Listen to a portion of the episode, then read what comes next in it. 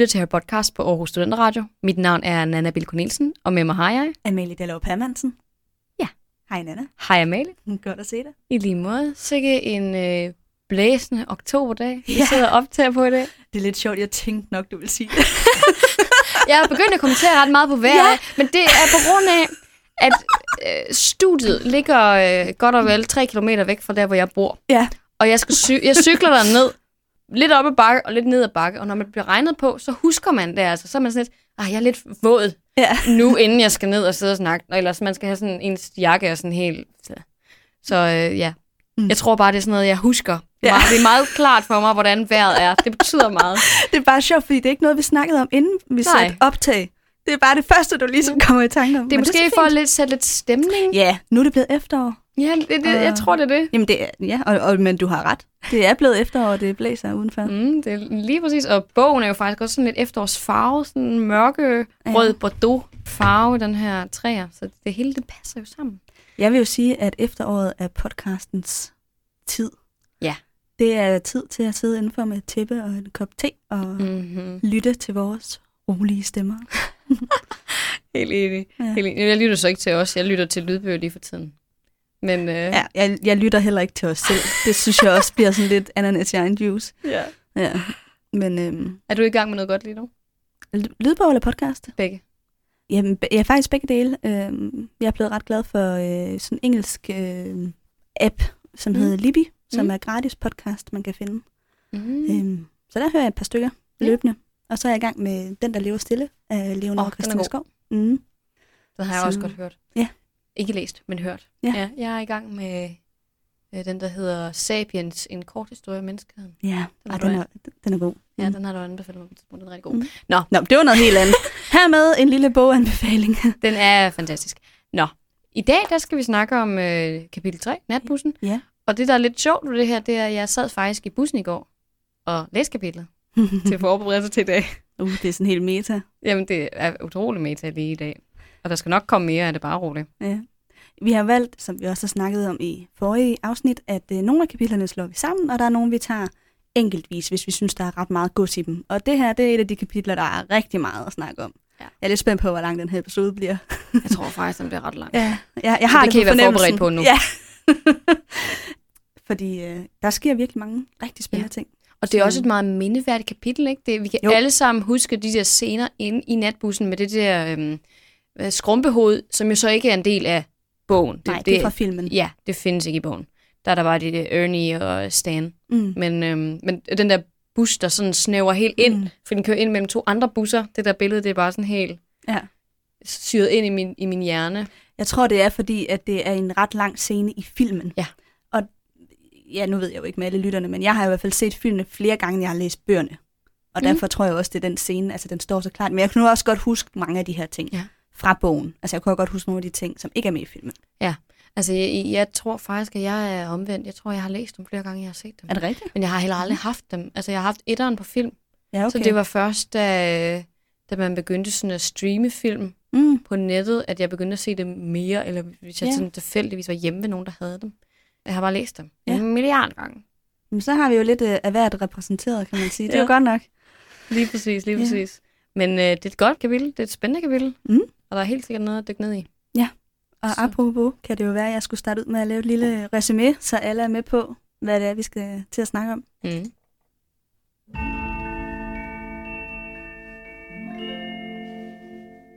Ja, der er jo faktisk øh, flere scener, eller hvad skal man sige, sådan sceneskift mm. i det her kapitel. Vi starter ud, hvor vi slap sidst, hvor Harry han er øh, på vej væk fra Ligustervinget. Han har lige, øh, øh, hvad skal man sige, svulmet, hans, Pustet. pustet hans tante op. Og nu går han og er øh, jævnt sagt ret panisk og bange for, hvad der nu skal ske med hans, øh, resten af hans liv i virkeligheden. Mm-hmm. Og øhm, så får han lige pludselig en følelse af, at der er nogen, der kigger på ham. Og det kender man godt. Det er, Den der prikken. Ja, der er sådan et eller andet ude i, ja, i øjenkrogen. Og det har han jo så ret i, at han ser de her store øjne. Men lige efter kommer natbussen så, fordi han har nemlig taget sin tryllestav frem og øh, lavet lumus. Og det er sådan, man øh, hedkalder natbussen. Faktisk behøver man kun tage sin tryllestav frem. Man behøver Når man behøver ikke engang at Nej, lave du, lumus. det, du skal bare præge, ligesom du vil gøre med en tommelfinger. Det er præcis mm. det samme. Du skal bare lige svinge den. Smart. Ja. Ja, okay. Det gør han i hvert fald. Og øh, natbussen kommer med øh, Stan Stabajs, som er øh, konduktør, Mm. og Øne, som er chaufføren. Og så har øh, Harry og Stan den her meget lange samtale, hvor de kommer ind på alt fra Sirius Black til ministeren for magi og profettidene, og mm. jamen, de kommer faktisk ret vidt omkring. Også lidt Voldemort-snak. En lille smule. Og så bliver øh, Harry til sidst sat af ved den utallige kedel, hvor han så møder Cornelius Fudge, premierministeren, ministeren for magi, ja, som det jo så hedder i den her verden. Og der er sådan lidt, de har sådan en underlig samtale, som Harry han er sådan lidt, hmm, Forstår ikke lige helt hvad sammenhængen. sker der lige? Og det er lidt voldsomt, at jeg har, jo, jeg har selvfølgelig lavet ulovlig magi, men hvorfor kommer ministeren? Og Mm-hmm. ja, det er sådan lidt mærkeligt. Og det får man jo faktisk heller ikke rigtig svar på, andet end at der, man kan fornemme, at han er bange. Vi får at vide, Fudge. omstændighederne har ændret sig. Ja. Det er det, han siger decideret til Harry. Jo, men øh, du skulle måske have haft en straf tidligere, eller det fik du sidste år, men Mm. omstændighederne ændrer sig. Ja. Og vi ved ikke, hvad det betyder. Men så er scenen ligesom lagt til resten af bogen. Der er et Ja. eller andet, der er sket i hvert fald, som er alvorligt. Mm-hmm. Mm. Lige præcis. Ja.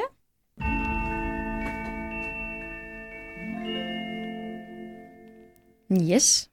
Og øhm, ja, det, igen, det er jo ikke så meget fokuseret på enkelte personer længere. Nej. Det her magiske relationer. Det er mere sådan, hvordan de interagerer med hinanden, vores karakter. Ikke? Så øhm, jeg har gået sådan lidt ud fra Harry, og hvordan han forholder sig til de forskellige karakterer mm. Mhm. i, øh, i det her lille stykke.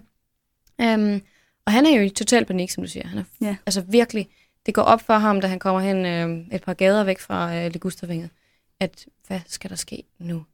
Han, bliver han smidt ud? Skal, altså, bliver han smidt helt ud af det magiske samfund, for det knækker de hans tryllestav? Hvad Mm. gør de ved ham? Skal han være fredsløs? Mhm. Altså, bliver han smidt på i Azkaban? Han, det hele kører ligesom rundt i hovedet på ham, og ja, han ved bare overhovedet ikke, hvad han skal gøre. Men han beslutter sig så for, at øh, han skal til Diagonalstræde og ind i Gringotts og have sine penge. Mm. Og så kan han ligesom leve som fredløs derfra. Ja. Han, øh, Det er planen. han tænker lige kort, Hermione og Ron vil gøre hvad som helst for at hjælpe ham, men de er her ikke. Han overvejer sig ikke alle de andre, der vil gøre hvad som helst for at hjælpe ham. Men det er meget klassisk Harry. Ja. Glemmer lige Dumbledore og Mr. og Mrs. Weasley, som jeg heller ikke tror vil tillade, at han blev smidt ud på baggrund af det her. Nej, altså, han kunne måske godt lige tænke et par skridt længere frem, men altså, ja. Men han er i panik, og det er også, ja. øh, det er også fair nok. Det er sådan meget klassisk Harry, det her. Mm. Og så møder vi jo Sirius for første gang, Ja. som du siger. Fordi Harry, han står jo og mærker lige pludselig, det prikker lidt i, i nakken, at han er sådan, der, der er et eller andet bag mig. Mm. Og kigger så bag sig og lyser med lummer, som du siger, og ser et stort, massivt væsen, der er sådan et par meter bag ham. Han får et kæmpe chok, og så falder han. Og det er så Mhm. der, hvor han så hidkalder natbussen, øh, og lige ved at blive kørt over faktisk. Men øh, så kan man jo så undre sig lidt over, hvorfor Sirius er der. Mm. Hvad tænker du? Jamen, jeg tror, det er helt bevidst, at Sirius er, hvor han er lige der. Altså, jeg tror simpelthen, han har fulgt Harry i noget tid. Så han har siddet afstand. ude foran Ligustervinget 4. Ja, det tror jeg. Kan du huske, McGonagall, hun var jo kat der Ja. i etteren, hvor hun holdt øje med Mm-hmm. familien. Ja. Det var så, da han var helt spæd, inden han skulle afleveres til familien Mhm. mm. Dursley. Og jeg, jeg har sådan tanker om, at det må han også have gjort, Sirius. Det kan da godt være. Det virker bare ikke umiddelbart som det, der er hans hovedgoal, fordi at, øh, eller hovedmål. Fordi Sirius skal jo have fat i Peter Pettigrew, og på en eller anden måde få ham til at bøde for alt det her, ikke? Ja, men på det her tidspunkt, jo, der ved han godt, Peter Pettigrew Det eksisterer. er derfor, han er kommet ud. Det er rigtigt.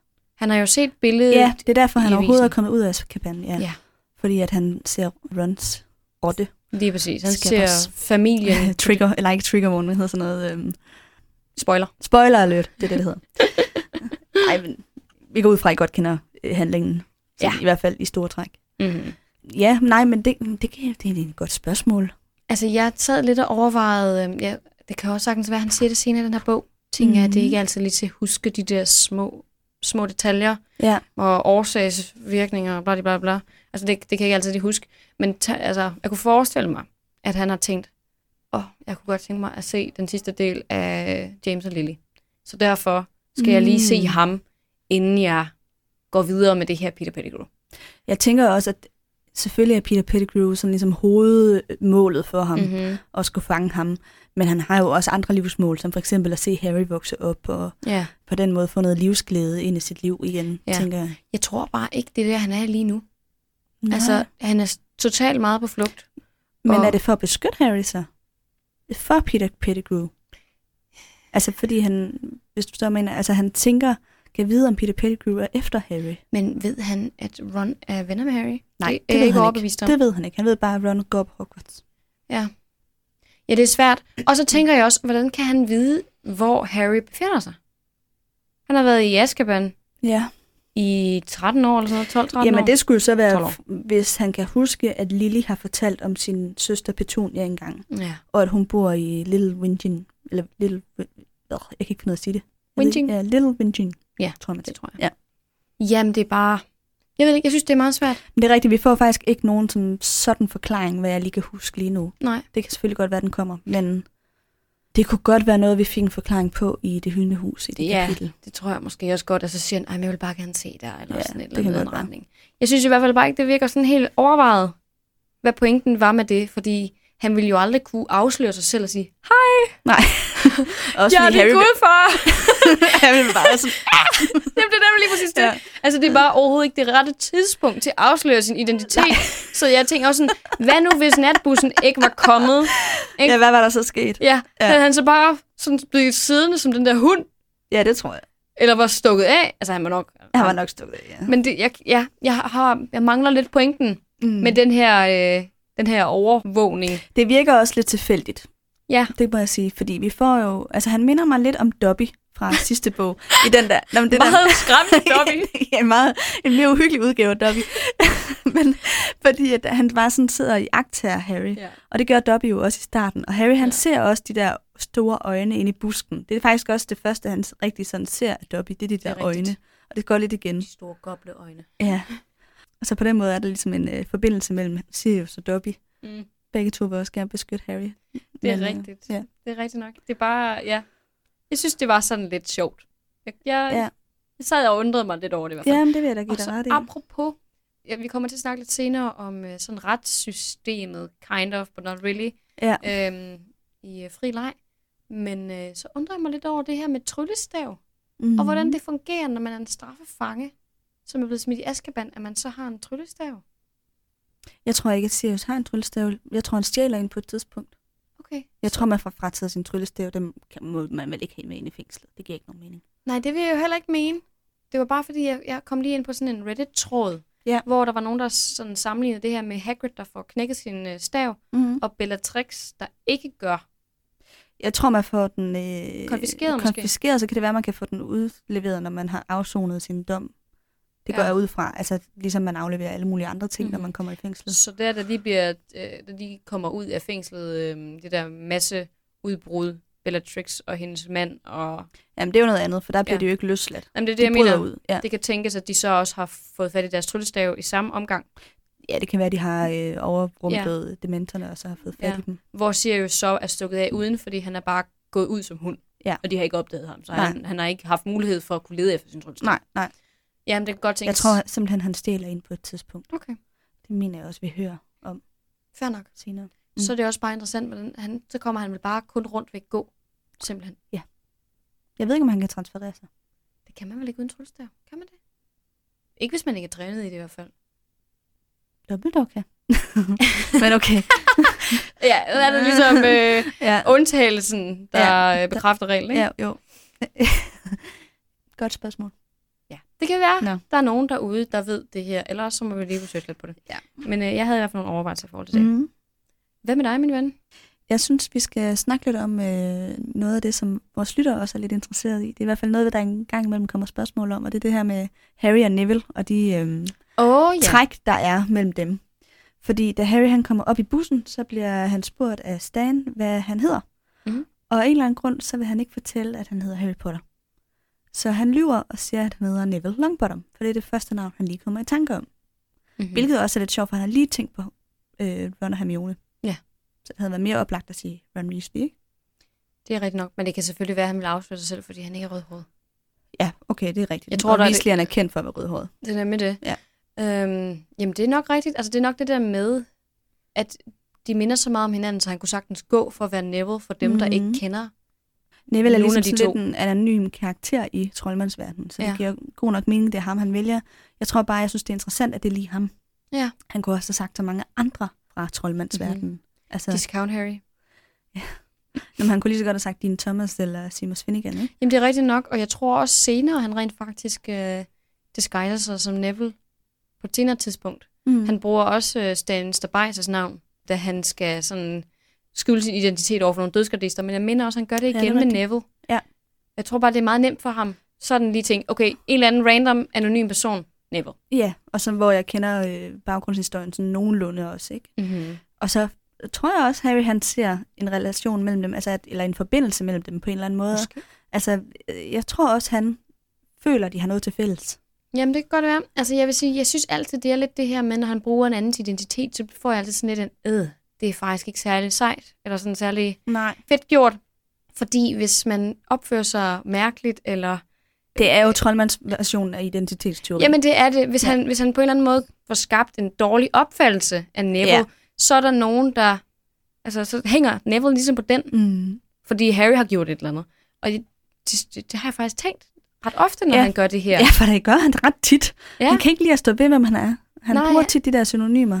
Mm. Og så kan man ligesom lægge skylden over på nogle andre. Ja. Det er lidt det samme som det her med at tage polyjuice elixir, ikke? Det altså, er lidt kujonagtigt.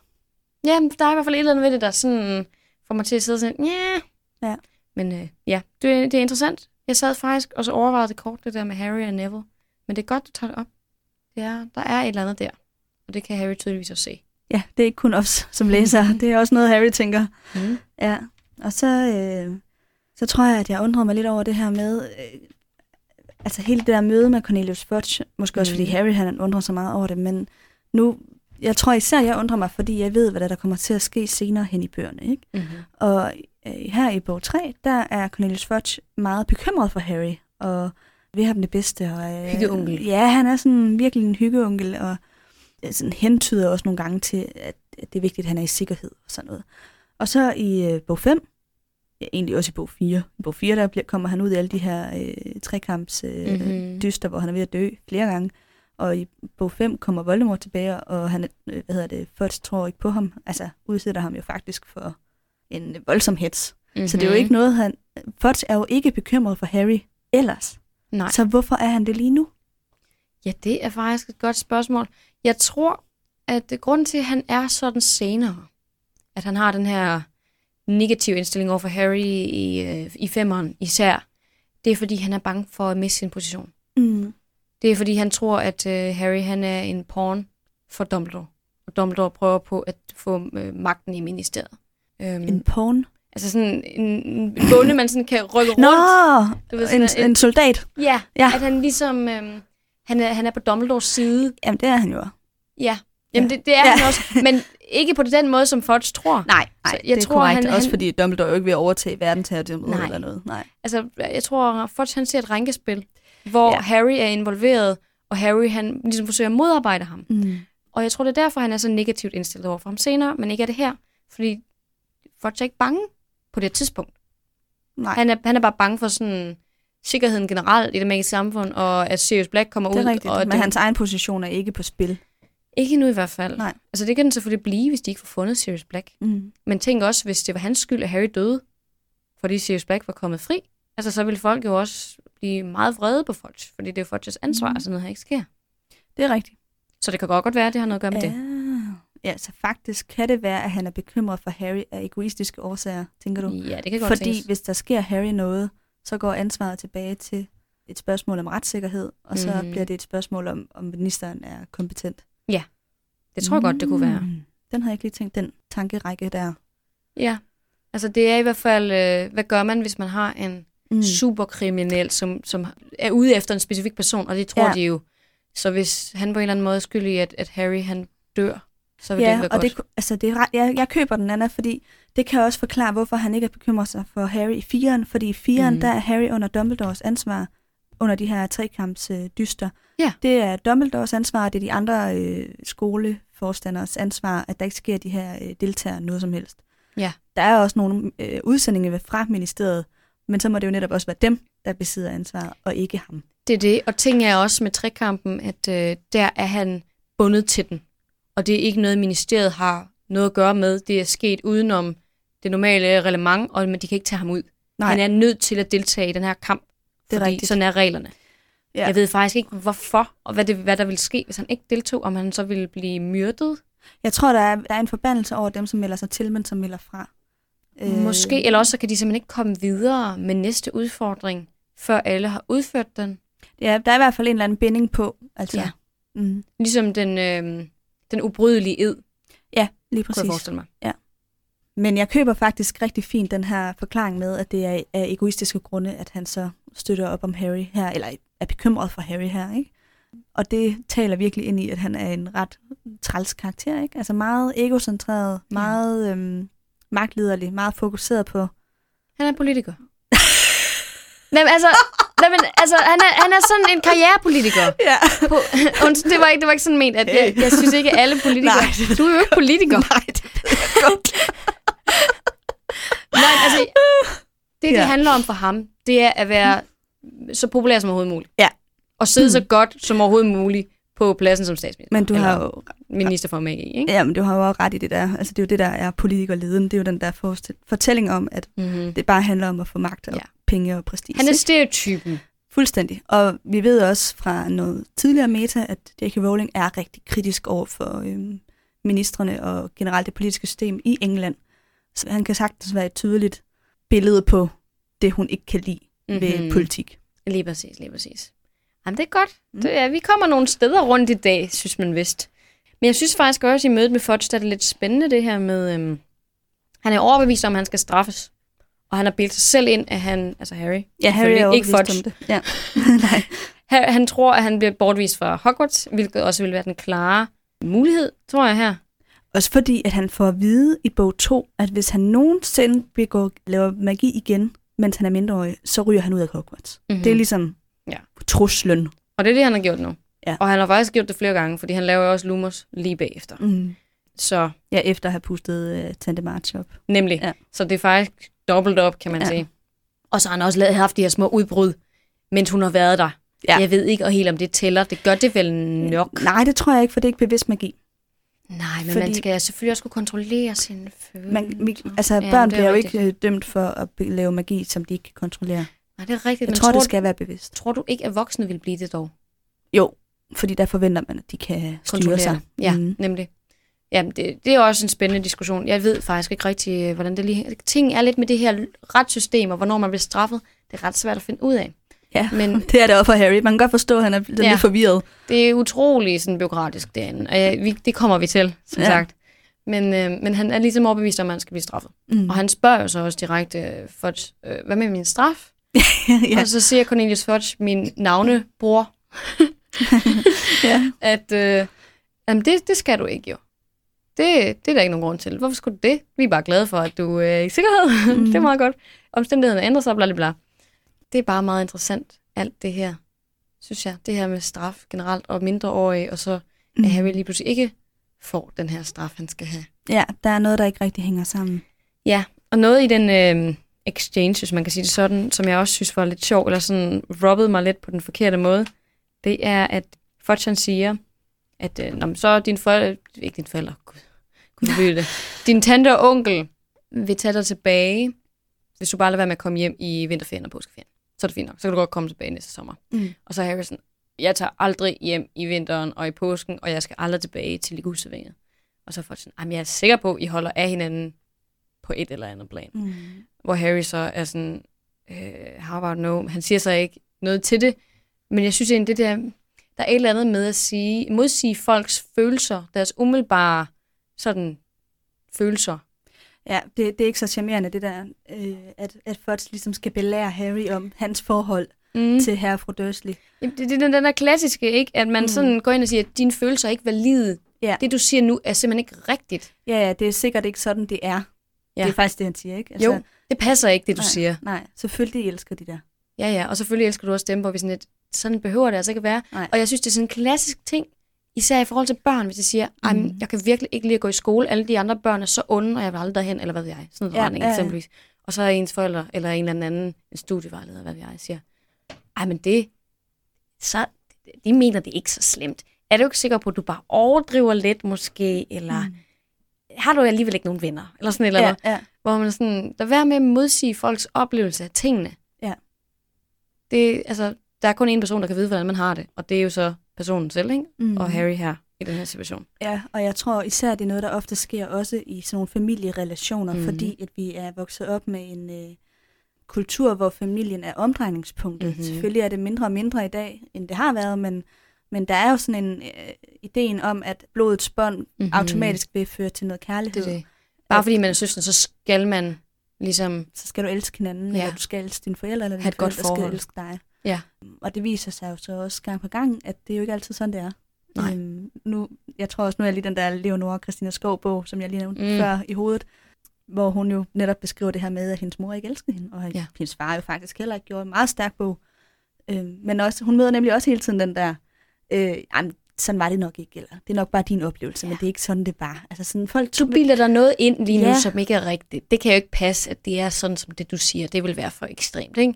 Og, Jo. og sådan er det bare ikke. Altså, det er også øhm, det er generelt sådan, når folk de modsiger ens holdninger, eller ens beslutninger i ens liv, eller i forhold til ens relationer, for eksempel, eller den der med, hvis en kvinde siger, jeg skal ikke have børn, og så er folk ja, sådan, og klassisk. ja, jamen det, jeg er overbevist om, at du kommer til at skifte mening, hvor man sådan, stop, bare lad Ja. folk tænke det, de tænker, og have, altså have den tilgang til tingene, som de har, i stedet for at gå og fortælle dem, hvad den rigtige måde er at have det på, eller de skal nok ændre mening, eller hvad ved jeg. Mm. Øh, så ja, det var bare lidt shout-out. Der Ja, var et ja. eller andet ved det, der, den ja, der. ja, men jeg, jeg sætning i hvert fald. øh, faldt også lidt selv over den og tænkte, ah, fudge. Det skal du ikke blande dig i, det skal du slet ikke Nej. kommentere på. Det, øh, men jeg tror, det er rigtig meget noget, børn bliver udsat for. Også mm. voksne selvfølgelig. Øh, men øh, især børn får der nok den der. Det kan du også selv huske. Ja, Jeg har fået mange gange. det har jeg helt sikkert, Ja. fra alle mulige forskellige. Ja. Folk, de, jeg synes altid, de skal kloge sig Ja. på andres oplevelser af tingene. Mm. Men ja, Men øh, det var egentlig det, jeg havde til, Mm. øh, til den her, det her segment i dag. jeg har en lille smule om uh, Stan, og ham kommer vi også til at snakke lidt mere om i frileg. Yes. Men jeg vil godt lige fortælle lidt om, hvem han er. Ja. Når jeg så Stan Stabajs på dansk, Mm. eller Stan Shunpike Mm. hedder han på engelsk.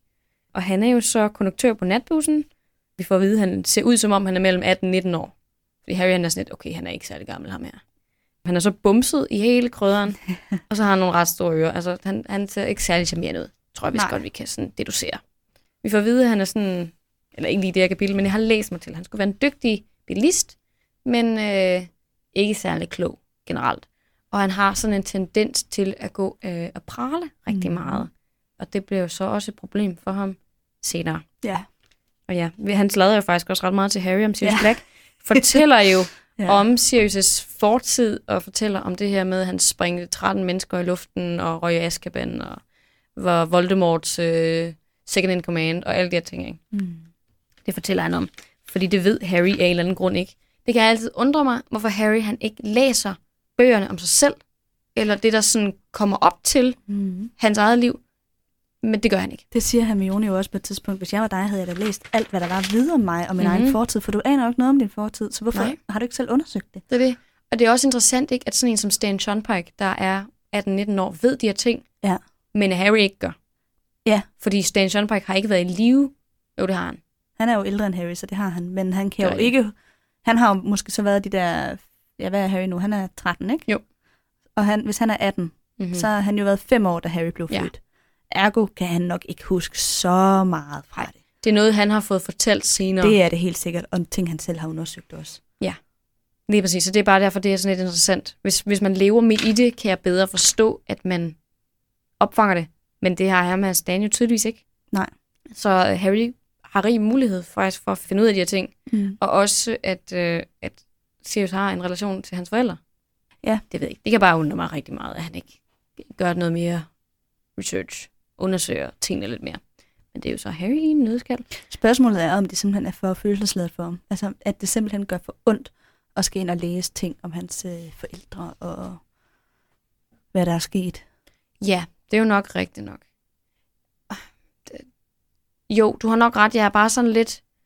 Man, man, det er ikke nemt at forberede sig på Pers- tingene. Nej, personligt vil jeg også have det svært med, at andre vidste mere om mig og min fortid, end jeg selv gjorde. Ja, Jeg vil have et behov for at kunne komme folk i forkøbet, også hvis de spørger ind til noget, og jeg så Mhm. kunne sige, jeg ved godt, hvad der sker, men det har jeg ikke lyst til at snakke om. Eller sådan, altså, mm-hmm. jeg forstår heller ikke, at han ikke har et behov for at kunne øh, afværge i så fald ja, nogle af de samtaler, han kommer ud for. Det har du ret i. Der er, der er i hvert fald et eller andet der.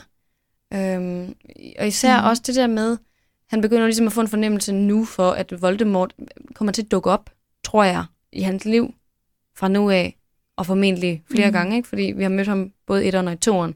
Ja. Så det virker lidt usandsynligt, at han ikke dukker op igen. Mm. Så det logiske skridt vil ligesom være at læse lidt om, hvorfor Voldemort overhovedet blev den, han var, eller finde Ja. ud af lidt om hele den her æra. Ja. Det er lidt mærkeligt, synes jeg. Mm.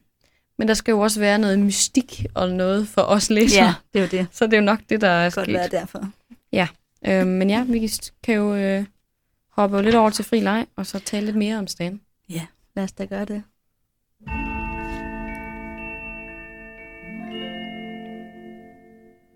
Ja, men øh, den kære staten, ham møder vi jo faktisk flere gange i bøgerne. Øhm, og det her med at prale bliver ret øh, skæbne besejlende på en eller anden måde for ham, kan man vist godt sige. I bog 4, der ser vi ham blandt andet gå og prale til en flok vila, om at han øh, skal være minister for magi, den yngste minister for magi nogensinde. Og et par, altså lidt tid senere, der hører vi så en historie om, at han har været inde på en pub sammen med nogle venner, og så har gået og fortalt dem om, at han havde insiderviden om dødgardisternes planer. Mm. Og det er så det, der gør, at han bliver smidt i Azkaban. For at være dødsgardist. For at være dødsgardist, det er han jo så ikke på det tidspunkt, får vi i hvert fald at vide. Og så inde i Azkaban, der får han sådan en Imperius forbandelse på sig, og joiner så dødsgardisterne i de sidste bøger. Mm. Så det er ret nederen. Det er i hvert fald den officielle historie. Det er det, der står inde på Potterwiki. Ja. Men, Men der er altså også nogen, der har nogle fanteorier om, hvorvidt det er sådan, det er foregået. Fordi grunden til, at det er det, der står inde på Potterwiki, det er fordi, det er det, Harry han tænker, der er sket. mm-hmm. Det er hans opfattelse af Stan. Ja.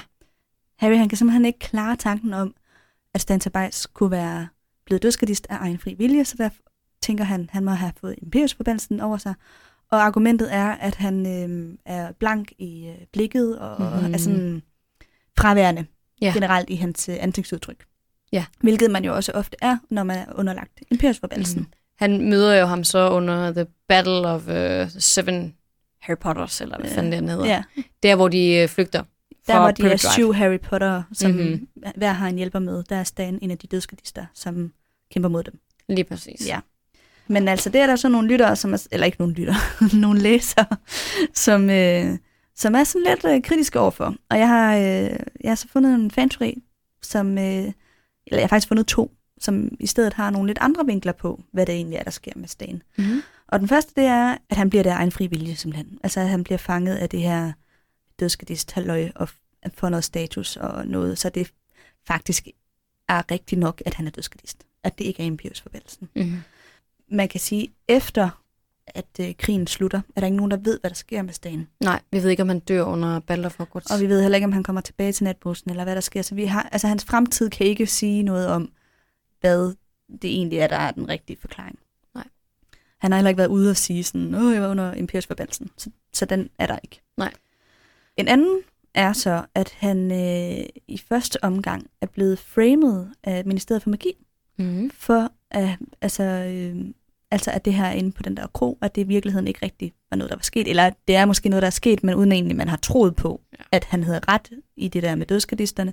Men at Ministeriet for Magi på det tidspunkt havde brug for ligesom at statuere et eksempel over for ja. befolkningen og vise, at vi gør noget, vi har styr på situationen. Og derfor øh, var den officielle forklaring, jamen øh, nu har vi fængslet Stan Device, fordi at vi har øh, Mm. hvad hedder sådan noget, tegn på, at han er dødskadist, og øh, I kan se, at vi, vi gør faktisk noget. Det er jo det, Harry siger til Rufus Scrimgeour. Han siger til ham på et tidspunkt, I skal sætte uh, Stan Stabajs løs, fordi det er ikke øh, korrekt, at han skal sidde inde i Azkaban for det her. Mm. Det, det, det siger han decideret til ham på et tidspunkt, så det er også det, Harry tror. Og der er der så nogle øh, læsere, som så argumenterer for, at Stan bliver så gal på Ministeriet for Magi for den her fængsling inde i Azkaban, at han faktisk omvender sig Mm-hmm. mm. og bliver dødskadist med vilje, fordi han er sådan lidt... Jeg kan jo tydeligvis ikke stole på, at øh, vores øh, retssamfund fungerer, når jeg bliver uskyldigt dømt, så må jeg gå over til dem, som, øh, hvor jeg kan få noget andet ud af det. Eller sådan. mm-hmm. Så der er ligesom sådan tre, hvad skal man sige, løsninger på, eller idéer om, hvad sker der med Stan? Er han underlagt Imperius? Er han reelt en tilhænger, eller bliver han først framet i ministeriet, og så derfor tilhænger Mm-hmm. mm. af øh, dødskalisterne. Ja, det er jo lidt svært. Jeg vil lidt sige, det, det, jeg tror, det kommer lidt an på, hvad det er for en fortælling, J.K. Rowling gerne vil øh, fremvise, ja. præsentere med det her Stand the Bice. Fordi da jeg sad og, øhm, og læste lidt ind i, i hans historie, jeg selvfølgelig kan jo godt huske, hvad der er sket med ham tidligere, men øhm, for mig at se, så øh, kunne det godt lidt virke som enten den klassiske med, at vi har nogle uskyldige mennesker, som bliver øh, fanget, hjernevasket af en eller anden ideologi, mm. eller nazismen Mm. under en verdenskrig, og de så simpelthen ikke, fordi ting er, Bice er mega dum, Ja. og han er tydeligvis ikke tilhænger af Voldemort i det her kapitel. Nej. Fordi da Harry siger Voldemort, der er han sådan, Ja. hvad er det dog, du siger? Ja. Hu hej, ej, det, der, det, er, der er han slet ikke. Nej. Og Bice er også ældre end Harry, så jeg tror også, han har mere respekt for navnet Voldemort, fordi han har alligevel også levet under Voldemort. Mm. Så, så det, det kunne godt være sådan en, at man, man bliver lidt hjernevasket en ideologi, og så han allerede har været dødsgardist.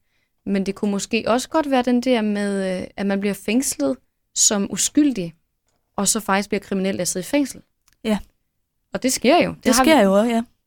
Så, øhm, så jeg synes, den er rigtig svær. For mig at se, så kommer det lidt an på, hvad det er, hun prøver på at fortælle os. Hvad det er for en historie, vi skal, Ja, det skal er rigtigt. her. Ja, det er rigtigt, fordi altså, de her to teorier, det er, at den ene siger noget om en, vores retssystem, og bliver vi kriminelle af at komme i fængsel, og det andet Mhm. mm-hmm. siger noget om, alle mennesker kan blive fanget af Ja. en stærk leder og en ideologi, som man øh, kan blive overbevist af. Ja. Så det er to meget forskellige Ja. forklaringer. Det er nemlig det. Altså, jeg tror for mig personligt, det, hvis, jeg, hvis jeg ikke skulle vælge den, der hedder Stentor Bice har været skyldig hele vejen. Ja, og, Og og det- det, underlagt Imperius. Ja. Ja. Det er det, Harry tror. Hvis vi, ikke, hvis vi ikke skal vælge den, men vi skal vælge mellem en af de to andre, så vil jeg nok være mere tilbøjelig til at tro på den med, at han er blevet øh, overbevist inde i fængslet. Ja. Og at han så har sluttet sig til dem der, fordi at han enten er blevet hjernevasket af dødsgradisterne, eller selv har valgt at gå over, fordi han er blevet desillusioneret omkring det magiske samfund. Mm. Mm. Jeg synes, det er meget interessant. Ja. Hvad tænker du selv? Ja, altså øhm, på en måde kan jeg godt, egentlig godt lide den anden, den der med, at han er blevet overbevist af den her ideologi. Mm-hmm. Og det kan jeg godt, fordi det var ud fra det, som en af læserne havde skrevet ind på den her fan-teori-side. At der er jo ikke rigtig nogen andre som karakterer, som på den måde skifter side, altså som Nej, på den måde rigtigt. vælger Voldemort frem for øh, Dumbledores hold, eller hvad man skal sige. En af de gode, som bliver en af de onde. Ja, altså, Der er selvfølgelig Quirrell. Ja, det er rigtigt. Men øhm, jeg tror, jeg tænker lidt mere sådan, hvis vi tager analogien til 2. verdenskrig, mm-hmm. sådan Mhm. den der øh, almindelige mennesker kan også udvikle Ja. sig i en rigtig, rigtig dårlig retning. Ikke? Ja. Og der, øh, der vil det næsten være, altså jeg synes også, det er ærgerligt, hvis ikke hun har øh, formået at skildre den Ja. del. Så derfor tror jeg egentlig, jeg er mest tilhænger af den Mm-hmm. teori. Det var lidt kringlet forklaret. Jamen, jeg ved godt, hvad du mener. Ja. At du vil godt have, at hun eksemplificerer det på en eller anden måde i Ja, historien. at hvordan almindelige mennesker... Typer, vi ikke ja. tror, at dødsgardister også kan blive det. Mm. Eller blive tilhængere af dem i Ja. hvert fald. Mm. ting er også at Stan Bice, han repræsenterer også lidt sådan en, lidt en uvidende sådan en type person, som ikke har så meget social status. Han har ligesom et lidt shitty job, og han, han har måske ikke så meget held med pigerne. Han skal sådan prale, fordi han ikke rigtig Mm. har noget af have det i. Han har ikke udseende eller penge eller noget som helst. Og så kunne jeg godt forestille mig, at han blev sådan lidt vred på alting. Ja. Blev sådan lidt sur over, hvor han selv stod i verden. Og det, hvis man ser på ham på den måde, som den der vrede hvide mand, som har det lidt, øh, lidt Mhm. lort, Ja. øh, eller Trumps USA, ja. så, øh, så synes jeg, at det giver god mening, at han godt kunne finde på at slutte sig over. Mm. Men igen, så er det også den der med, han er bare så fjendtligt indstillet over for Voldemort her. Og jeg Ja. tror, det er blevet så øhm, altså ingrained ind i alle i troldmandssamfundet, at Voldemort er bare det værste, der kunne ske for nogen overhovedet. Mm. Så det, øh, der skulle noget seriøst til for at få ham overbevist om at skifte tid, tror jeg. Men folk var jo også øh, imod nazisterne, da de lige kom frem i Tyskland. Altså det var Ja. ikke sådan, at de var folkepopulære fra start af. Tværtimod. Nej, det er rigtigt. Og igen, øh, vi ved jo ikke så meget om, hvad der sker, mens Voldemort begynder sådan at pible frem i sprækkerne der i, øh, i femeren. Og sekseren egentlig også, hele den her, der er jo det her mærkelige skifte, hvor der ikke sådan helt er et bræt skifte, og så alligevel med ministeriet. Men om der egentlig er flere i samfundet, der sådan hopper med på Voldemorts vogn, eller om det er meget sådan klart optegnet, hvem der er de gode og hvem der er de onde. Jeg tror ikke, det er så klart optegnet, som Harry han... øh, Forestiller sig. ja. Ja. Øhm, Altså sådan en som Nidkær jo, har jo nemt ved at hoppe over. 100 procent. Ja, og Fudge lader sig jo egentlig også snyde Mm. ret lang tid. Han, jeg, jeg tror godt, at han... Altså, jeg tror ikke, han ved, at han støtter op om Voldemorts sag, men det er måske mere sådan gråt end sort-hvidt, Ja. hvis man kan sige sådan. Der er jo i hvert fald mange, som også ligesom under en verdenskrig, som bare gerne vil have deres liv til at fungere Mm. og være i sikkerhed. Og så siger man måske, at man er tilhænger af Voldemort for at undgå at blive øh, forfulgt, ikke? Jo, enten det, eller fordi man godt vil have en højere social status. Ja. At man kan se muligheder for sig selv inden for det system. Mm. Det er jo, øh, nu har vi jo begge to lige set den fantastiske serie, der hedder Handmaid's Tale. Ja. Der sker det jo også, at der er rigtig mange mennesker, der vælger at skifte position i samfundet, eller vælger at støtte det her nye samfund, fordi at de kan få en højere position, end de havde det tidligere. Mm. Um, så ja, god serie, se den. Vi kommer mange anbefalinger i den. Jamen, det gør vi faktisk, Willy. Men der er, det er jo også efterår, og folk de mangler Ja. ja. sikkert også noget at se og lytte til. Men ja, så er der jo uh, The Night's Bus. Ja, den skal vi også lige have vendt, tænker mm. jeg. Mm-hmm.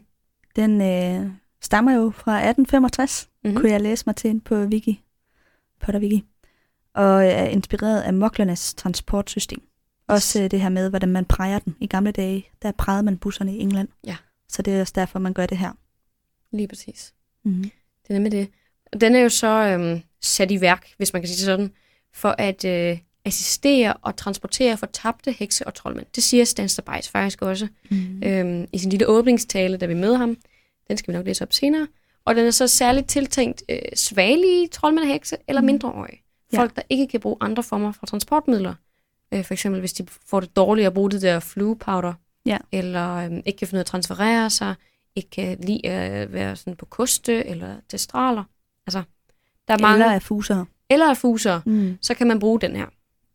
Øhm, så det er sådan lidt en, en, en form for offentlig transport i, det magisk, i den magiske verden. Og jeg tror kun, der er en af dem. Der Ja. er kun den her. Ja. Øhm, så det er egentlig sådan ret interessant. Vi kommer jo så om natten ind i den her bus. Men det sjove er så, at øh, om natten er der senge, og om dagen er der sæder. Og da Harry kommer derind, er der sådan en masse folk, der render rundt i nattøj og ligger i de der senge og sådan prøver på at sove. Men der er ikke noget interiøret inde i bussen, der sådan er boldet ned. Nå. Så det hele det rutscher rundt. så folk, de, de får det virkelig dårligt Ja. af at vende den der bus, fordi den hopper bare, og så flyver sengene i den ene ende af bussen og ned i den anden. Jamen, det er bare skrækkeligt. Øh, Så det er ikke en særlig behagelig bustur at være med, hvis man kan sige sådan. Hvad er der mere med den? Jo, den har, øh, den har sådan en besværgelse på sig, så alting hopper væk fra den. Mm. Hvis man sådan, sådan praller det lidt af, hvis man kunne forstå, forestille sig det. Ja, der har filmen jo lavet det lidt anderledes. Der kan bussen jo sådan snævre sig ind. Og, sådan, Ja. og det er ikke det, der den gør i bogen. Nej. Der hopper tingene bare væk. Den har sådan en afskærmende Mm-hmm. hvad hedder sådan noget, besværgelse over sig. Ikke? Lige præcis. Sådan, den skubber deciderede ting af vejen, Ja. hvis man kan sige det sådan. Det er ret fikst, som ja. et magisk objekt, og den kan hoppe over meget store afstande. Ja. Så ja. Jeg har en fun fact om natbussen. Mm. Øhm, før at bog 5 udkom, så da, man, da det kun var bog 4, der var kommet ud, der var der en kæmpe teori op at køre om, at det skulle være natbussen, der slog Voldemort ihjel. Fordi at Harry han så skulle præge den. Han havde jo fundet ud af, hvordan man prægede den, mm. og så i kampen mod Voldemort skulle præge den, og så kunne den Fuck, hvor køre ham ned. Ja. Ej. Se Voldemort blive kørt ned. Jamen altså, det er jo også tæt på ske i det her kapitel. Harry lige Ja. dø, fordi han bliver ramt af en bus. altså, prøv at tænke, hvis det var sket, Ja. så ville det bare være noget surt show. Ja. Altså, Jamen, det er nemlig inspireret af lige præcis den Mm. scene. Jamen, det er simpelthen så sjovt. Det er det altså virkelig. Øhm, men ja, jeg har... Øh, jeg synes, det var lidt sjovt med de her store distancer, den sådan kørte. Ja. At den sådan hopper, og hvordan det lige fungerede. Så det researchede jeg mig lidt på. Fordi sådan noget kan jeg godt lide. og det lader jo umiddelbart til, da vi kommer ind i bussen, at øh, de kommer direkte fra Wales, og så er de hoppet hen til Surrey. Og det ligger sådan okay tæt på London. Det er nogle ret store distancer, vi snakker om her. Men så skal vi ligesom rundt nogle forskellige steder i landet. Selvom Surrey ligger ret tæt på London, hvor det er Harry skal hen. Mm. Så det virker til, at den, der kommer først på bussen, er også den, der skal sættes først af. Og så- det, har ikke af, det er ikke afstanden, der Nej. afgør det. Nej. Lige præcis. Så Harry han skal vente til, at han, øh, det er ligesom hans tur, og de så kan komme hen til London. Så derfor er han den sidste, der ligesom bliver sat af bussen. Men jeg har så lavet en lille oversigt over, hvilke steder vi kommer hen Ja. med bussen. Og jeg har faktisk også lavet den på Google Maps, så man lige kan sådan visualisere det så for, for sig. Øh, jeg tænker også, det kommer op på Facebook. Ja. Hvis der er nogen, der også synes, det er sjovt, ligesom jeg synes. De starter et sted i Wales. Vi ved ikke lige hvor, men et sted i Wales. Så kommer de til Little Winding, sorry, hvor Harry præger dem. Så sætter de øh, Mrs. Marsh af i Abergavenny i Wales. Øhm, så, kom, så kører de op til en lille ø, der hedder Anglesey, som ligger øhm, uden for det nordlige Wales. Nå, Ja. Stan siger ellers, at han kun, kun kan komme steder hen, der er forbundet til land.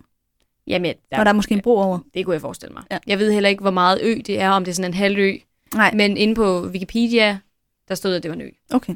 Og det er sjovt, i den danske, der, der er de stadig det som Angle S-I-E-A, S-E-A. Så Angle C, men Mm. her er det Angle Say, da jeg slog op Ja, okay. på Google. Så jeg ved ikke, om de har lavet en en fejl i oversættelsen, eller om det simpelthen er et opfundet sted.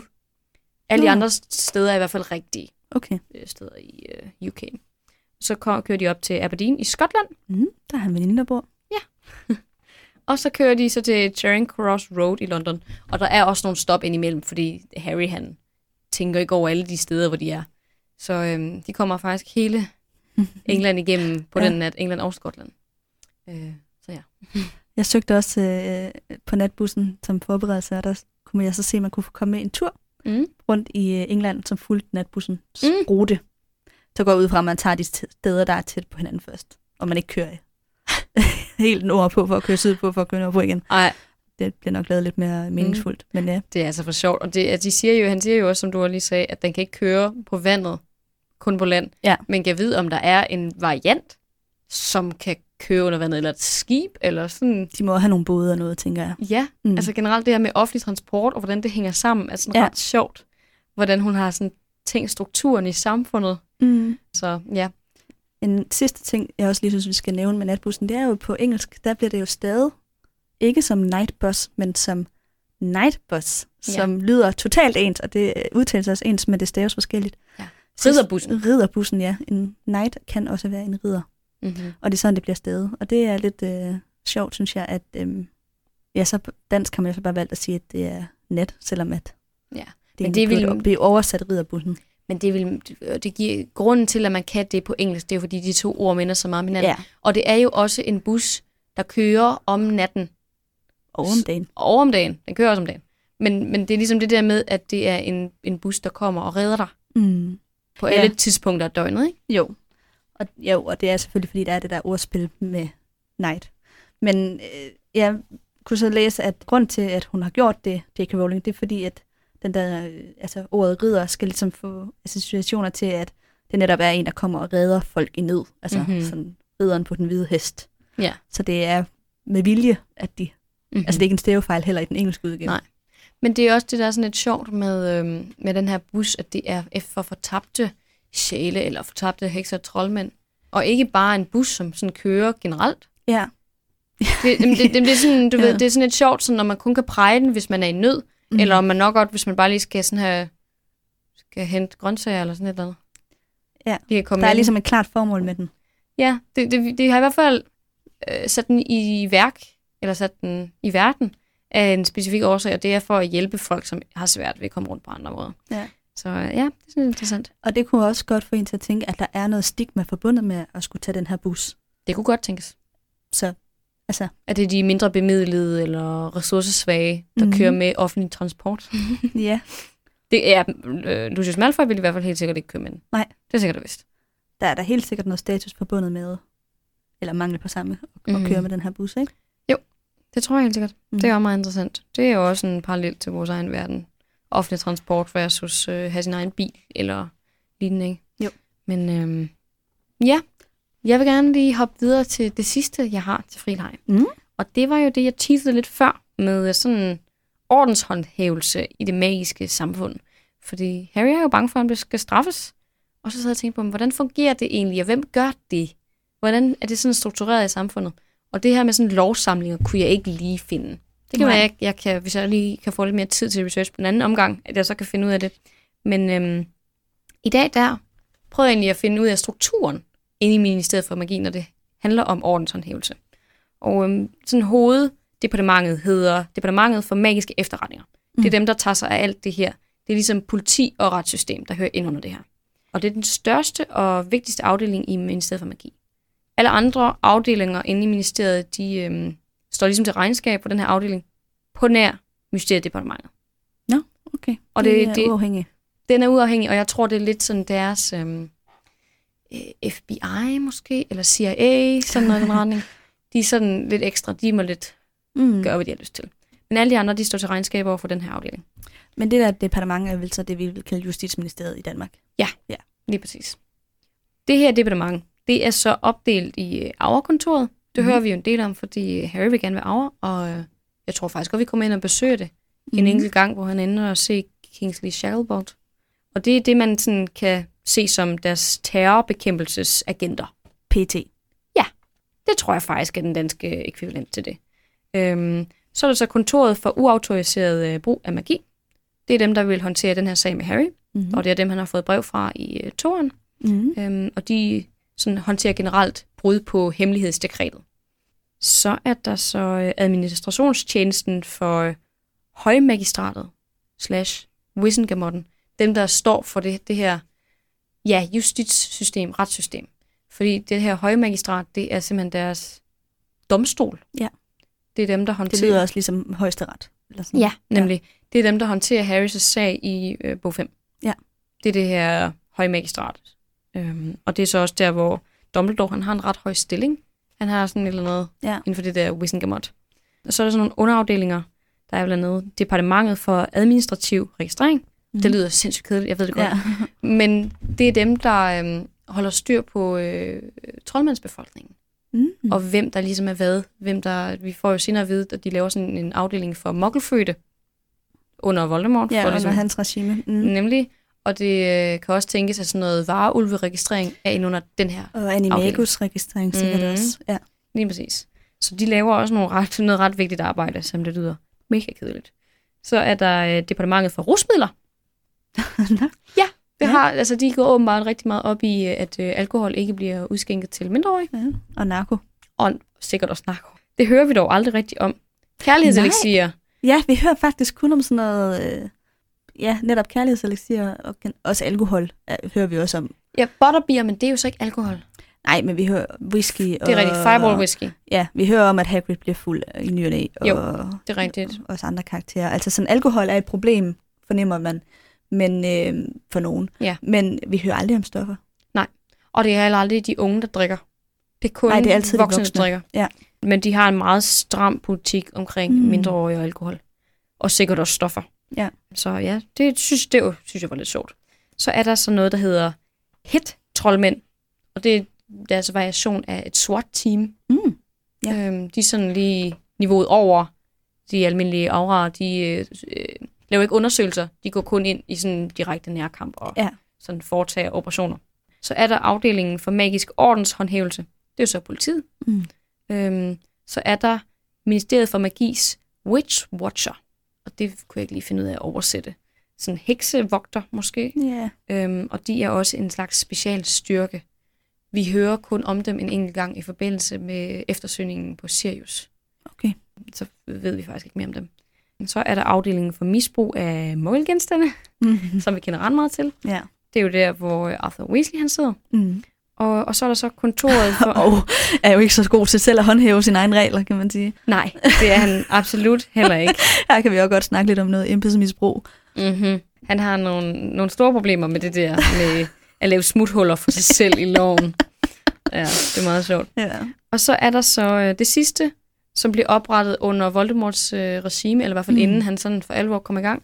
Og det er kontor for opsporing og beslaglæggelse af falske forsvarsbesværgelser og beskyttende objekter. Mm. Og det er simpelthen den afdeling, der sørger for, at man ikke kommer ud med alle de her falske amuletter og beskyttelsesbesværgelser, som ligesom begynder at cirkulere, da Voldemort virkelig Ja, kommer er frem. lige inden han sådan overtager. Ja, synes, Fordi folk er så bange, så går de ud og køber en masse falske ting, Ja. som kan beskytte deres familie. Så det er, det er sådan en ordenshåndhævelse mm. inden for ministeriet. Jeg ved ikke, om, om det var lidt kedeligt. men, men jeg tror, det er meget godt, især for mig selv, også lige at vide, hvad fanden laver de her forskellige afdelinger? Ja, ja. Fordi vi får en gang imellem kastet de her navne ud, og så er man sådan, hvad er det der højmagistrat? Ja. Hvad laver det, den der s- Hvad politistyrke? laver de? Ja, Ja. hvem laver hvad her Ja, ja, ja. inden for det her system? Så det synes jeg bare var lidt... Øh, jeg gætter på, at du især synes, det var spændende. Jeg synes, det var meget spændende, men øh, det ligger så også lidt op af noget af det, jeg la- Det er det. laver til daglig. Ja. Ja, det er sådan et forvaltningsret, Så- det her, er det ikke det? Jo, det er faktisk rigtig meget forvaltningsret. Ja.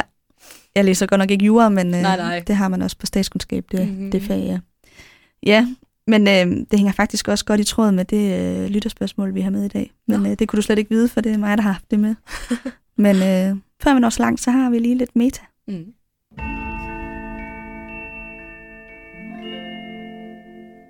Det er bare lige en kort information. Ej, jeg synes bare, det var ret grineren, at øh, Ernie og Stan er opkaldt efter nogen i J.K. Rowlings egen familie. Ja, det er rigtigt. Hendes, Hendes bedsteforældre, ikke? Ja, morfar og farfar. Mm.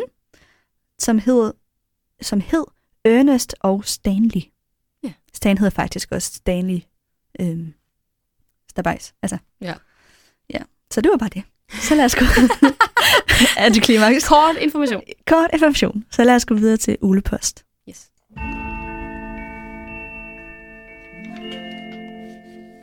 Og i dag der har vi nemlig fået ulepost fra en, der hedder Sebastian.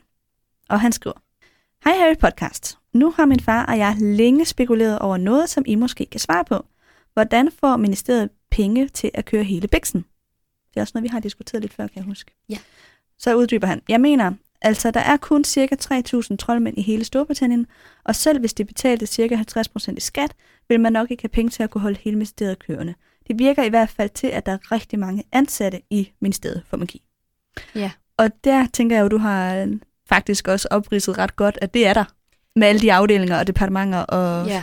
Og det her, det var kun et ministerie. Det var et, altså, ja, eller et departement. De Ja. kalder det så departementer i stedet for ministeriet. Lige præcis. Men det var et departement, og der er jo seks andre, mener jeg. Ja, det tror jeg store rigtigt. departementer med under departementer Ja. også. det er det. Så det er et kæmpe organ. Mm-hmm. Mm. Det har øh, Sebastian og hans far helt ret i. Og jeg prøvede faktisk at finde ud af det. Øhm, Jeg kan også huske, at vi selv har undret os lidt over det. Jeg tror, det var helt tilbage i sæson 1, hvor vi snakkede om, kan vide, Mhm. hvordan det økonomisk hænger sammen i det her øh, samfund. Ja. Og øh, det var godt nok svært at finde ud af. Jeg kunne så læse, at øh, det er faktisk noget, der er rigtig mange fans af serien, som er sure over, at J.K. Rowling ikke har skrevet noget mere eksplicit omkring. Mm-hmm. Der er et sted, hvor at Arthur han snakker om, at Lucius har så meget magt, fordi han støtter nogle ting i ministeriet. Mm-hmm. Så en måde, som ministeriet får penge på, det er ved velgørende Ja, donationer. Øh, donationer. Altså, som for eksempel Lucius gør.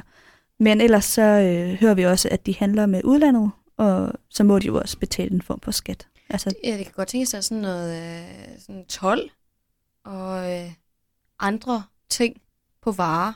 det går jeg ud fra, der er. Ja. Helt sikkert. Altså, så der er noget import, eksport, Mhm. mm-hmm. øh, et eller andet der.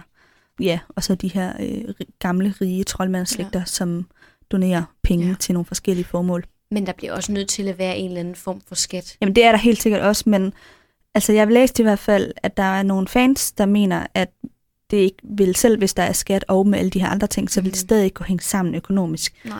fordi at ministeriet er så stort, som det er. Så, øhm, Det kan være, at de har en eller anden produktion af et eller andet. Altså sådan, Ja. ja. prøve på at holde sig selv kørende fald, med noget øh, yderligere. Altså tryllestav går jeg i hvert fald ud fra, at Ollivander sælger ret meget ud af, og han må jo betale en høj øh, virksomhedsskat Ja. derigennem. Men det kan jo ikke være det alene. Nej, men jeg tænker på, om ministeriet selv har noget, noget, noget af deres eget, som de producerer, og så sælger ud, som er sådan øh, statsautoriseret. Mm, ja. Jeg ved bare ikke, hvad det skulle være. Nej, det ved jeg nemlig heller ikke. Men det er i hvert fald noget, som, altså, altså, som der er nogle læsere, især, og Mm. lyt, øh, ikke lytter, jeg bliver med at sige lytter, mange sådan fans af Harry Potter, mm. øh, verden er rigtig øh, sur over, kunne jeg se ind på nettet, Ja. at de mener ikke, at J.K. Rowling har, øh, har udfoldet det her nok. Nej. Og jeg kunne så se et interview af J.K. Rowling, hvor hun så sagde, jamen, økonomi interesserer mig ikke. Altså, Nej. jeg er ligeglad med økonomi. Ja, Så, øhm, men det er alligevel også bare så vigtigt, ikke? Fordi, Jo, og det er jo, alt andet hænger jo sammen. Og nu kunne du se bare retssystemet, det har hun jo gennemtænkt, ikke? Så det er jo også lidt sjovt, hun ikke har gennemtænkt, Ja. Hvordan øh, det økonomiske system hænger sammen. Jamen det er det, og, altså, man kan ikke have sådan et hul, for det er bare virkelig vigtigt, hvordan det her flow af penge fungerer, og hvordan det for, hvor, altså for sådan opretholder et samfund. Hvis der ikke er et, et pengeflow, så fungerer det jo ikke. Det er jo også det, der sådan er helt spørgsmålet med, hvordan man får mad og duplicering af mad, og ja. Ja. kunne reparere sine egne ting. Hvis ting ikke går i stykker, skal man ikke ud og købe noget nyt. Altså, Ja. det, det er også det, der sådan en... det- Vi har fået flere spørgsmål i forhold til familien Weezys økonomi, og vi har også talt om det en gang i øhm, bog 2, Ja. hvor de, jeg tror, de er ude at købe nye varer, og de er åh så fattige, og det får Mm. vi rigtig meget at vide om, hvor vi vil sådan lidt, okay, nu bliver vi nødt til lige at snakke om, hvor fattige de egentlig er. Øhm, men, men det hænger bare ikke rigtig sammen, at man kan være meget, meget fattig, hvis man kan reparere ting, synes jeg personligt. Altså, at man har en kappe, som der så kommer hul i, og man så siger reparo, og så er den fin igen. Ja. Altså, det hænger jo ikke sammen. Nej, det, altså, nej, det gør det nemlig ikke. Altså, Eller de må kan- jo have et mindre behov for penge, Ja, det tror man, jeg. ikke? Altså, fordi de selv kan lave ting med tryllestaven, altså Mhm. mm-hmm. reparere ting og sådan noget. Altså, det koster jo ikke noget at reparere det. Det, det koster en knap nok energi lige at fikse sådan noget. Det ser vi i hvert fald med Mm. Dumbledore flere gange. For eksempel det, da han øhm, fikser den der mokkelstue, som professor Snobbegom ja. gemmer sig ind i. Åh, altså, jeg elsker den scene. jamen, det, der går ja. seriøst et par sekunder, og så er det tilbage, så er vi tilbage til en ny, ikke? Ja. Så det, det kan også undre mig, at sådan en som, øhm, som Ron, at han skal have den der hæslige dragt på til The Yule i bog 4, mm. og man ikke kan fikse det, at man ikke har gjort noget ved den. Altså jeg ved godt, at de gør det, fordi det skal være sjovt, og vi skal grine af Ron. Han ja. Har en grim kåbe på. Men sådan, konceptet fungerer ikke rigtigt for mig, hvis du ved, hvad jeg mener. Nej, det forstår jeg godt, fordi de har jo forvandling, for eksempel. Ja. Øh, med McGonagall, så de har jo lært os, hvordan man forvandler ting. Ja. Ergo må de også kunne forvandle hans kappe Mm-hmm. mm. på en eller anden måde, ikke? Få fjernet blonderne, så det ikke Ja. er grimt. Ja. Øhm, Og selvom man ikke kan trylle mad frem, så kan man jo netop øh, forstørre det og øh, duplicere det og sådan noget. Lige præcis. Så altså, man kan nøjes med at lave mad til en, og så duplicere det til 10. Mm-hmm. Du kan købe en enkelt ærtebælge, og, Og så, har, rigtig du- mange ærter. er det, så Ja. har du bare et kilo. Ja. Og det smager lige fint, det hele. Men det, det, det, det, er sådan lidt, det er sådan lidt mystisk, hvordan det lige fungerer. Jeg vil ønske, hun lige brugte lidt energi på at gennemtænke det. Altså nu Sebastians spørgsmål går jo meget på det her med lønning, og hvordan får de råd til os at lønne alle de ansatte, der er. Ja. Fordi det er så kæmpe et organ. Men det kan man sige, det er det danske velfærdssamfund jo også. Altså, Mhm. mm-hmm. hele, altså der er jo virkelig mange ansatte i den offentlige sektor. Det er jo også et kæmpe organ. Ja. Og det løber jo alligevel rundt. Problemet Så- er jo så bare, at der er ikke særlig mange, der betaler skat i det her, den her magiske verden. Der er ikke særlig mange skattebetalere. Og det virker heller ikke som om, at folk bliver understøttet særlig meget af ministeriet. Det er et mere liberalt samfund, ja. Ja, altså ja. De, de, det er mest sådan, Vi hører jo heller ikke om, at der er børnehaver og vuggestuer og sådan noget. Vel? Altså, kvinderne er hjemmegående, Ja. ja. som fru Weasley for eksempel er. det er det. Eller i hvert fald fru Weasley er hjemmegående. Ja. Ikke det sådan, tror jeg da også, der er flere, der jeg tror ikke sådan en som Tonks ville være hjemmegående. Tror du det? Måske. Lige hende kunne det godt være, hun ikke var, men altså, jeg tror da også, Malfoys mor er hjemmegående. Jeg synes ikke, vi hører om særlig mange kvinder med børn, der øh, arbejder. Nej, det er måske. Så længe ben, men børn, vi- er små i hvert Men fald. vi hører faktisk heller ikke særlig meget om kvinder med børn. Generelt. Vi ser ikke rigtig småbørnsfamilien. Nej, vi ser jo også kun familier, der, hvor at børnene er gamle nok til at gå på Hogwarts. Ja. Og der kan de jo så godt arbejde, kan man sige, fordi mm-hmm. så skal Mhm. de passe børnene. Men jeg fornemmer lidt, at systemet er sådan, at moren, nu snakker vi ud fra et uh, hetero-forhold, Mhm. mm-hmm. ikke? Men at, at moren går hjemme, og faren Ja. tager på arbejde. Sådan synes mm-hmm. jeg, Mhm. det virker meget konservativt. De klassiske kønsroller Ja, og fra sådan, 50'erne. Og sådan er det jo også, altså de er jo mere konservative i England, end de er Mhm. i Danmark, ikke? Men ja, det er bare for at sige, at der er, jo, der er et stort byråkrati, men jeg fornemmer heller ikke, der er den samme velfærd, som der er for eksempel i Danmark. Det tror jeg heller ikke, at der er. Jeg, tr- jeg, jeg, jeg tror i hvert fald heller ikke, at de kan få de samme støtter, som man kan i Danmark. Mm. Man kan ikke blive understøttet. Nej, nej, de får jo ikke SU for eksempel. Nej. Nej. Men øh, de, de får dog gratis skolegang alligevel. Gør de det? Jeg tror aldrig, vi har hørt om, at de skulle betale tuition for at gå på Hogwarts. Nej, men vi har heller ikke hørt, at de ikke skal. Nej, det synes jeg Jeg ved faktisk ikke, om det... Jeg tror godt... Jeg ved ikke, om de betaler for at gå på Hogwarts. Men jeg tror, det kunne ødelægge familien Luigi's økonomi fuldstændig. Men det tror jeg så til gengæld også er noget, de vil prioritere midler på. Det vil de nok. Altså, jeg tror virkelig, der var mange andre ting, de ville savne før børnenes skolegang. Jo, men det, det er rigtigt. Det er rigtigt. Jeg tænker bare, altså, hvis de også skulle betale for tuition, mm. så ville det virkelig være øh, altså en voldsom byrde for så mange børn. Det er selvfølgelig ikke på samme tid, dem alle sammen. Men lige nu har vi alligevel fem børn. Ja, George, Fred, Ron, Ginny, fire børn. Og Percy. Percy. Gud, jeg Ja. ja. glemte Percy. Altså fem Ja, gange fem. tuition, Ja. det er fandme mange penge. Ja. Især hvis den er sådan rimelig hæftig. Ja, jeg ved ikke, jeg tænker bare sådan, Harry han er ligesom den, der skal, stå for alt det økonomiske for sig selv. Mm. Så det faktum, at han ikke fortæller, at han også skal betale til skolen, Med mindre forældrene har gjort det forud. det kan selvfølgelig godt være. Det kan selvfølgelig være, at det er noget, man betaler til i en årrække, inden de starter i skole. Det må vi lige finde ud af, om der er noget der. Det er ikke sikkert, vi kan finde noget. Det er heller ikke sikkert, hun har lavet noget om det. Nej, Eller har Det tænkt over det. som sagt, hun går ikke så meget op i, i penge og økonomi. Hvilket Det så gør er vi. sådan lidt kom Hvilket så derfor er lidt komisk, at hun er mange millionær den dag i dag. Men øh, ja, det er faktisk rigtigt. det har hun jo heller ikke været hele livet.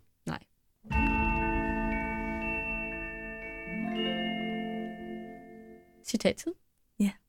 Og øh, hvem andre kunne vi tage end øh, Stan Stabajs? Nu har vi snakket så meget om ham i det her øh, kapitel, eller det her afsnit. Ja. Vil du, eller skal jeg? Jamen, øh, jeg kan godt, Ja. hvis det skal være. mig høre. Altså, det er jo her, hvor vi møder Stan, og han holder en lille tale for Harry. Han siger så følgende. Velkommen ombord i natbussen. Nødhjælpstransport for den fortabte heks eller troldmand. Man behøver blot at holde sin tryllestav frem, præge også med et lysglimt, springe ombord og køre med til et hvilket som helst stoppested.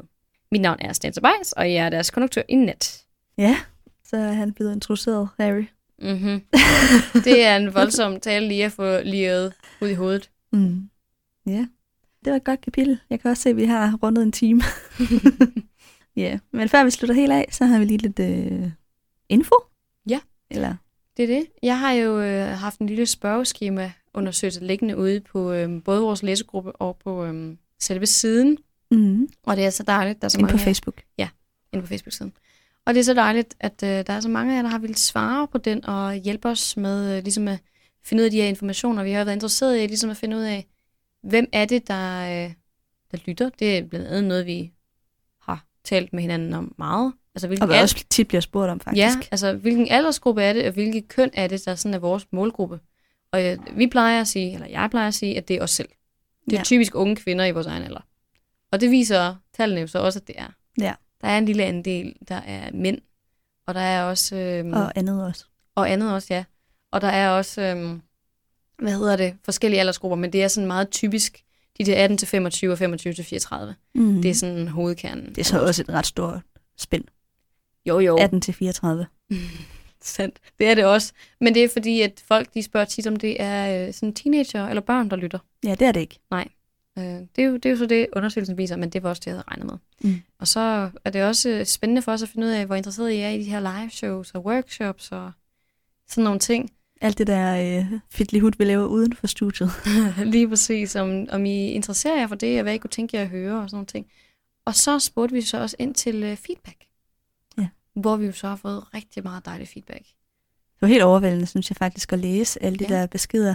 Langt det meste var jo positivt, men det var, jeg, jeg, jeg blev alligevel sådan helt ramt af, at gud, der er så mange, der har en holdning til mig. Altså, det vidste Mhm. ikke lige, hvordan jeg skulle håndtere. Altså, jeg kunne mærke, at jeg, blev, jeg, måtte, jeg måtte sådan lukke ned for computeren og ud og løbe en tur, fordi jeg kunne slet ikke håndtere, sådan, at folk skulle øhm, kommentere på mig. Men Ja. nu er jeg fordøjet det, og er rigtig glad for, ja. at vi gjorde det. Mm. Det er jo det, altså fordi det er jo rigtig konstruktivt. Langt Ja. det meste er konstruktivt, og noget, som øh, vi kan bruge med vores ja. videre arbejde med det her. Noget af det kan vi selvfølgelig ikke gøre noget ved. Altså, øhm, sådan noget med teknik kan godt være lidt svært at håndtere, især når vi er ude. Fordi mm. Der handler det simpelthen bare om at nå derhen, få sat tingene op, håbe på, at de virker, at det rent faktisk kan optage. Fordi vi er ikke tekniske genier, Nej. hverken Amalie eller jeg. Du er lidt mere, end jeg er. Ja. Øhm, så du står mest på det tekniske, og jeg står bare og ser godt ud, eller mm. prøver på det. Sådan har vi jo hver vores forsvar. Ja, nej. Øhm, nej, men vi vil selvfølgelig gerne prøve at se, om der er et eller andet, vi Ja. kan gøre ved det. Altså, øh, Jeg har skrevet til nogen fra radioen og hørt, om vi kan få lidt hjælp til at blive bedre på Det tekniske, det. når vi er ude. det er det ting er, vi har jo aldrig lydmænd ude. Nej. Det er jo bare dig og mig. Øhm, så det er os, der skal håndtere teknikken, når vi er derude, og vi er bare glade, hvis der er strøm på. Ja. Så vi skal Ja. nok, øhm, Ja. vi må prøve i højere grad at se, om vi kan Ja. sådan lære finesserne bag det tekniske. Og så har vi fået øh, feedback i forhold til de nye segmenter. Og, Det virker som om, vi godt kan lide det. Og Ja. også det her med, at vi slår nogle kapitler sammen, at det er helt okay. Lige præcis. Øh. Det er mega dejligt. Og så er det sådan egentlig... Og så er der et råd, som er gået igen mange gange, som jeg også har taget til mig. Mm-hmm. Det vil Mhm. vi helt sikkert gøre fremover. Og det er det her med, når vi er ude til live shows, at bede, i stedet for at, række, at folk skal række hånden op, når vi har lavet en quiz, så skal de klappe eller sige mm-hmm. en Mhm. lyd eller et eller andet. Og det giver jo selvfølgelig god mening, når det er radio. Ja. Jeg ved ikke, hvorfor vi ikke har tænkt på det noget før. Men øh, det er i hvert fald et råd, der er taget til efterretning, og det kommer til at ske fremover. Helt sikkert. Mm. Og så er der jo rigtig mange, der har kommet med øh, forspørgseler, om vi ikke har lyst til at komme steder hen i landet, hvor de er. Ja. Og det er bare mega dejligt. Altså, vi har Især s- København. Der er Især godt nok mange, København. der bor i København. Men vi har jo heller ikke været på Sjælland mere end en enkelt gang. Nej. Og det var helt ude øh, i øh, den østlige, nej, vestlige del af Sjælland. Ja, det var på Vestjylland. Så øh, det var jo ikke selv tæt på, kan man sige. Men hvis der er nogen af jer, der bor i København, som rigtig gerne vil se os derovre, så øh, synes jeg, I skal gå ned på jeres lokale bibliotek, og så sige, hey, Mm. vi kunne rigtig godt tænke os at se et, øh, et arrangement med de her to.